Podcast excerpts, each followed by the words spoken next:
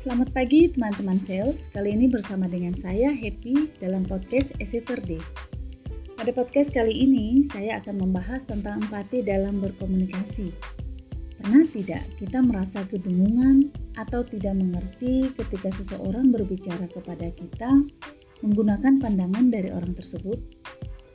Terkadang pada saat kita berkomunikasi dengan orang lain, kita sering menggunakan sudut pandang dari diri kita sendiri kita beranggapan bahwa lawan bicara kita paham atau mengerti semua apa yang kita sampaikan.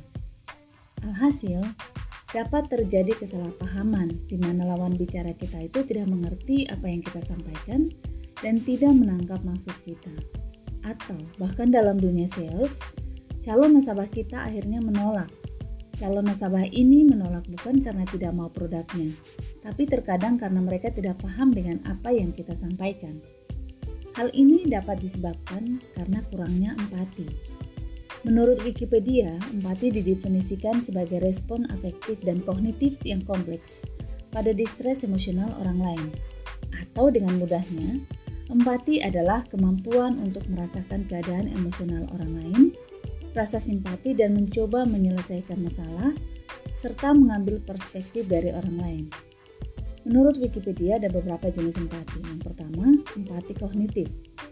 Empati kognitif merupakan kemampuan untuk memahami perasaan dan pemikiran seseorang. Empati kognitif membuat kita menjadi komunikator yang lebih baik karena membantu kita menyampaikan informasi dengan cara yang paling baik menjangkau orang lain. Yang kedua adalah empati emosional atau juga dikenal sebagai empati afektif. Empati ini adalah kemampuan untuk membagikan perasaan orang lain. Beberapa orang menggambarkannya sebagai rasa sakit di hatiku. Jenis empati ini membantu kita membangun hubungan emosional dengan orang lain. Jenis empati yang terakhir adalah empati welas asih. Dalam empati ini, kita memberi perhatian lebih dari sekedar memahami orang lain dan berbagi perasaan mereka. Hal ini benar-benar menggerakkan kita untuk mengambil tindakan dan membantu sebisa kita. Nah, yang saya sampaikan di awal termasuk dalam empati kognitif. Bayangkan, pada saat berbicara dengan nasabah ataupun calon nasabah, kita menggunakan sudut pandang kita sendiri, menyampaikan informasi-informasi dengan istilah yang kita pahami, namun kita lupa bahwa nasabah yang kita telepon adalah orang awam yang belum familiar dengan istilah-istilah yang kita sampaikan. Apa yang kita dapat dengan menggunakan empati? Kita dapat menyampaikan apa yang ada dalam pikiran kita, lebih mudah diterima dan dipahami oleh orang lain, komunikasi akan berjalan dengan baik, dan bahkan kita dapat mencapai tujuan.